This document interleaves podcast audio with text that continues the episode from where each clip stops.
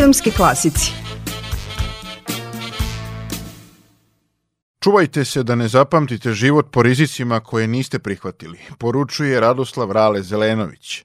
Ličnost za koju se može slobodno reći da je institucija domaće, ali i evropske kinematografije. Zelenović je 1992. godine napustio relativno dobro radno mesto urednika filmskog programa Radio Televizije Srbije i otišao u Jugoslovensku kinoteku kada je ta institucija bila u veoma teškom stanju. Radoslava Zelenovića je iste godine Blažo Perović sa Otvorenog univerziteta u Subotici pozvao da naprave Međunarodni filmski festival na Paliću – Festival je osnovan za vreme sankcija, aerodromi nisu radili, a stranci nisu hteli da posete našu zemlju. Ipak, Nijedno prikazivanje filma u tom vremenu nije otkazano, a 1997. godine je na Paliću prvi put prikazan film iz Hrvatske kako je počeo rat na mom otoku, režisera Vinka Brešana koji je scenarij opisao sa ocem Ivom Brešanom. Na taj način su obnovljene kulturne veze između naših dveju država, koje su raskinute 1991. godine nakon otkazivanja festivala jugoslovenskog filma u Puli. Radoslavu Zelenoviću i Blaži Peroviću posao je otežavala potraga za konceptom festivala. Tek 2003. godine je doneta odluka da filmski festival na Paliću postane festival evropskog filma, kaže Radoslav Zelenović. Najveći problem svakog festivala je koncept. I svašta smo radili. Tako i američke filmove, domaće i strane i jedan žiri za ovo, drugi žiri za ovo i nacionalni i internacionalni festival da bismo posle 10 godina presekli rekli ovo će biti festival evropskog filma. Čudo, niko nije mogo da se načuli šta nam bi. Ko će to da gleda? Ja sam tad mislio, mislim i sad, da je Subotica pravo mesto bila za tu vrstu festivala, I mi stvarno nemamo problema ni za slovački, ni za ruski, ni za hrvatski, ni za bilo koji drugi film koji je u programu.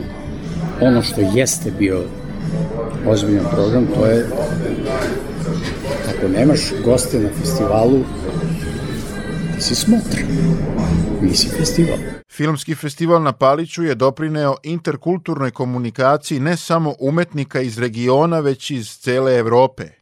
Palić su za 30 godina između ostalog posetili Velimir Bata Živojinović, Ljubiša Samarđić, Milena Dravić, Aleksandar Berček, Lordan Zafranović, Rajko Grlić, Nikita Mihalkov, Ken Russell, Ken Loach, Girži Mencel, Mikloš Jančo, Teo Angelopulos, Brian Cox i Kristi Puju. Sve to je uticalo da festival na Paliću 2017. godine bude proglašen za najbolji filmski festival u Evropi, Absurdno je da festival u državi koja nije članica Evropske unije bude proglašen za najbolji festival u Evropi, kaže Radoslav Zelenović.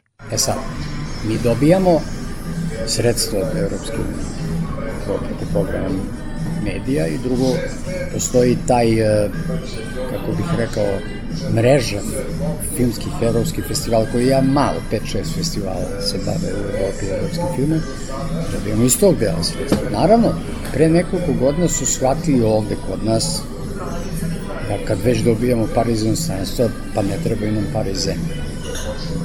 Par iz inostranstva koje dobijaš, dobijaš jako striktno namenski. Za dovođenje gostiju, za tribine, za radionice, za, znači, za pospešenje funkcionisanja festivala unutar festivala. Izborili smo se sa svim tim stvarima, doterali do broja 30, što je stvarno niko nije umro od skromnosti, neću ni ja. E, da li je moglo više, verovatno. Da li je bilo bolje, mislim da nije, zadatim okolnostima. Jer što kaže Alberto Barbera, direktor Venecijanskog festivala, inače moj kolega direktor kinoteke iz Torina, ima snimak jedan Kusturica, Mihalkov i ja između njih nadodali nagradu Aleksandar Livka na Paliću. Kaže, znaš ti koliko bi festivala dalo ne znam šta, da ima Kusturicu Mihalkova na dva kvadratna metra jedan pro drugi. To je kod nas tako. Ispalo kao nešto kao što je sasvim normalno. Imali smo veliku srećnu okolnost da smo imali uvek požrtvovane i dobre predsednike saveta. Lečić, je bila Milana Dravić, je bila Mira Banjac, je sad Duško Kovačević.